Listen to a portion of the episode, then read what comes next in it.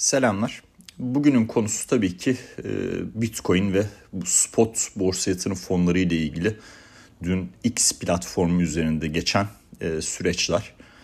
Şimdi bu SEC'nin sayfasının hacklenmesi aslında şunu gösteriyor. Demek ki bu iki faktörlü kimlik doğrulama gerçekten güvenlik açısından çok gerekli bir şeymiş ve bunu resmi kurumların en azından net bir şekilde kullanması lazım.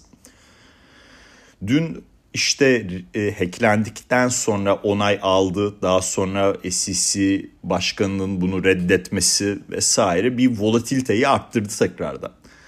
Sadece Bitcoin ve işte kripto paralarda e, durum e, volatilite durumu e, yoktu. Aynı zamanda e, ABD'ye kote kripto piyasasıyla alakalı faaliyet gösteren hisselerde de volatilite yüksekti. Ve tek günlük e, kapanışlarda da ben ağırlıklı olarak kırmızıları görüyorum. E, bununla ilgili ufak bir liste de e, X platformu üzerinden e, sayfasında paylaştığım linki bulabilirsiniz. Ama bir aylık e, bu hisselerin bir aylık getirilerine ve bir yıllık getirilerine baktığında ya gerçekten artı rakamlar e, net olarak karşımıza çıkıyor. E, bu da e, onay aldığı takdirde eğer spot borsa yatırım fonları onay alırsa bu tabii red yeme durumu da söz konusu olabilir ama onay aldığı takdirde e, bir miktar daha yükseliş e, daha sonra da belki bir e, kar satışı sürecine girebileceğimizle alakalı bir e, ufak bir e, deneme oldu da dene, denebilir e, dünkü hareket. E, bugün e, herkes merakla e, SEC'den e, resmi bir e, açıklama e, bekleyecektir. Onay veya red e, şeklinde. E, geldikten sonra haber geldikten sonra da kripto paralar, bitcoin, kripto paralar ve e, kripto piyasasına bağlı hisse hareketleri de öne çıkacaktır denebilir. Şimdi bu e, jeopolitik riskler gene Kızıldeniz'de artıyor. E, bugün e, petrol fiyatlarında dün de işte petrol fiyatlarında e, hareketlilik e, yukarı yönlü e, hareketlilik bundan ötürü. E, ben e, deniz taşımacılığı e, üzerine e, işte bu e, shipping costları, container e, costlarını e, gösteren e, Drewry e, WCI diye bir e, kod var. E, bu e, Şangay'dan e, çıkan e, gemilerin, konteynerların e, maliyetlerini gösteriyor. Bunlara baktığımda yani e, ABD'ye gidenlerde gene bir yükseliş var ama geçmiş fiyatlamalarla paralel bir durumda. Ancak Avrupa tarafında gerçekten ciddi yükseliş durumları söz konusu işte. Mesela e, Şangay to Rotterdam e, yani ciddi bir oranda artmış e, maliyetler. E, işte Genoa tarafına da e, ciddi oranda artmış e, Şangay'dan e, çıkan konteynerlerin e, maliyetleri. Bu tabi Avrupa'da ürünler enflasyonu adına yukarı yönlü riskler oluşturur. Ee, ama ABD tarafında e, bir enflasyon sıkıntısı yaratacak durumda mıdır? Yani ürünler enflasyonu zaten e, yıllık bazda değişim göstermemişti son iki e, veride yanlış hatırlamıyorsam çekirdek tarafta. Dolayısıyla Fed'in duruşunu net bir şekilde değiştirecek bir yapıda olacağını zannetmiyorum ama Avrupa ürünler enflasyonu adına biraz daha yukarı yönlü riskler oluşturuyor bu, bu durum. E, dolayısıyla e, hani Fed e, Avrupa Merkez Bankası'na göre e, indirim sürecine daha erken başlayabilir e, yorumumda bu ürünler e, enflasyonu da bir miktar etkili olacak gibi gözüküyor 2024 yılı içinde. E, borsalar tarafına gelecek olursak Japonya endeksi 34 yılın tepesine çıkmış durumda. Yani bu yendeki tabii zayıf gidişat orada hisse piyasasına olumlu e, yansıyor. E, diğer taraftan Dünya Bankası dün global ekonomiye dair e, güncel büyüme verilerini paylaştı. 2024'te 2.4'lük bir global büyüme bekliyorlar. Yani 2023'de 2.6 idi. 3 senedir üst üste aşağı giden bir global büyüme durumu söz konusu. Bu dün bahsettiğim CES 2024 konferansına dair e, TechCrunch'ta e, güzel bir e, özetleme var. E, işte e, tanıtılan ürünler vesaire. E, ya bu Walmart'ın drone'unu sevdim. Bu zaten drone teslimatları bir süredir gündemde olan bir konu. E, bunun da onay mekanizması var. Sadece e, regülasyonlar kripto mark e, piyasası için geçerli değil.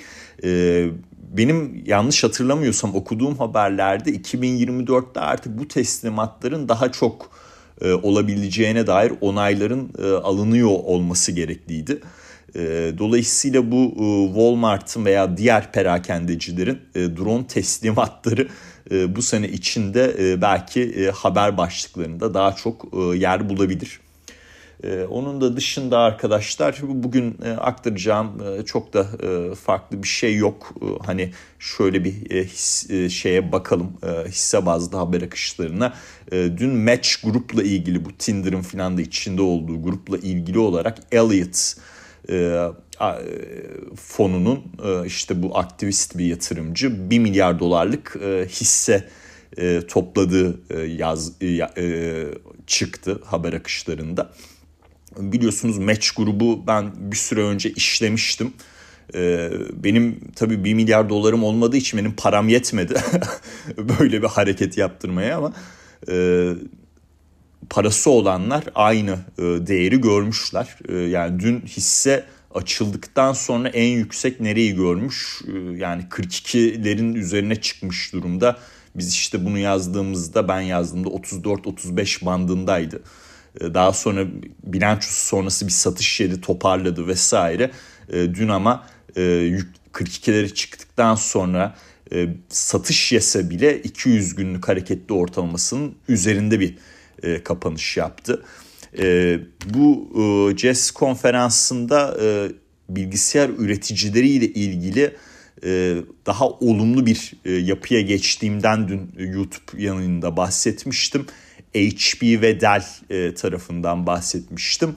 E, dün e, bir miktar bu hisseler satış yedi ama ben özellikle HP tarafında bir alım fırsatı yaratabileceğini de düşünüyorum açıkçası. Giderek daha ısınıyorum fikre. Dolayısıyla bununla ilgili olarak bir işlem fikri yazabilirim. 30 dolarda 30.16 dolarda kapanış yapmış. 29 dolarda da 200 günlük hareketli ortalaması var. E, çarpanlar olarak da e, piyasa e, ortalamalarının altında bir hisse bu. Tabii büyümesi de ona göre daha az ama bu işte yapay zeka trendi büyümeyi arttıracak bir yapıda gerçekleşirse o zaman bu hissede iyi bir yukarı yönlü hareket görebiliriz diye düşünüyorum. Biraz zaman alıyor tabii bu tarz şeyler. E, işte Match grupta da gördüğümüz gibi e, durdu durdu durdu. E, 1 milyar dolarlık hisseyi aktivist yatırımcı toplayınca tak diye e, nasıl bir hareket yaptı. E, onun dışında arkadaşlar Cuma gününü bekliyorum bu bilanço açıklamaları e, için e, ve yarın da e, tüfe verisi var. E, onu e, bekliyorum. E, Nasdaq dün artı bir e, kapanış yaptı. Nasdaq e, hem bileşik hem de Nasdaq 100 e, e, endeksi. E, burada en iyi ve en kötü hisselere baktığım zaman mesela modern pardon özür diliyorum yılbaşından beri olan kısma bakıyorum şu anda çeviriyorum. Dün mesela CrowdStrike birinci sıradaydı Nasdaq yüzde çünkü CrowdStrike ile ilgili bir analiz görüşünde yukarı yönlü revizyon vardı. Onu da hemen şey yapalım açalım. Şöyle Morgan Stanley e, görünümünü e, yukarı e, revize etti. Bu da hisseye e, yukarı yönlü bir e, etki olarak e, yansıdı. Yani 273 dolara geldi hisse. E, bunu e, 2022'nin e, ortalarında filan zaten yani hissenin olduğu yeri söyleyeyim size. 2022 sonunda hatta 2023 başı diyelim 100 dolarların altına inmişti. Şu anda 273 dolar. yani işte şirketlerin sunduğu değerler versus piyasa riski ve hisse üzerinde oluşan bu risklerden dolayı oluşan satış baskıları ABD 10 yıllıklarının ne kadar bu değerlemelerde öne çıktığı vesaire daha çok bu fiyatlama örneklemelerinde karşımıza çıkıyor arkadaşlar. Bence oldukça iyi bir yani bir örnekte yaşadık. Ocak 2023 Ocak'ta 100 doların altında olan bir hisse 2024 Ocak'ta 273 dolar kapanış yapıyor. Neymiş demek ki şirket metrikleri biz işte KPI'ler iyi gidiyorsa piyasa riskiyle oluşan satış dalgaları aslında uzun vadeli yatırımcılar için güzel alım fırsatları doğuruyor arkadaşlar. Böyle de bugünlük konuyu kapatalım. Dinlediğiniz için teşekkürler. Herkese mutlu günler dilerim.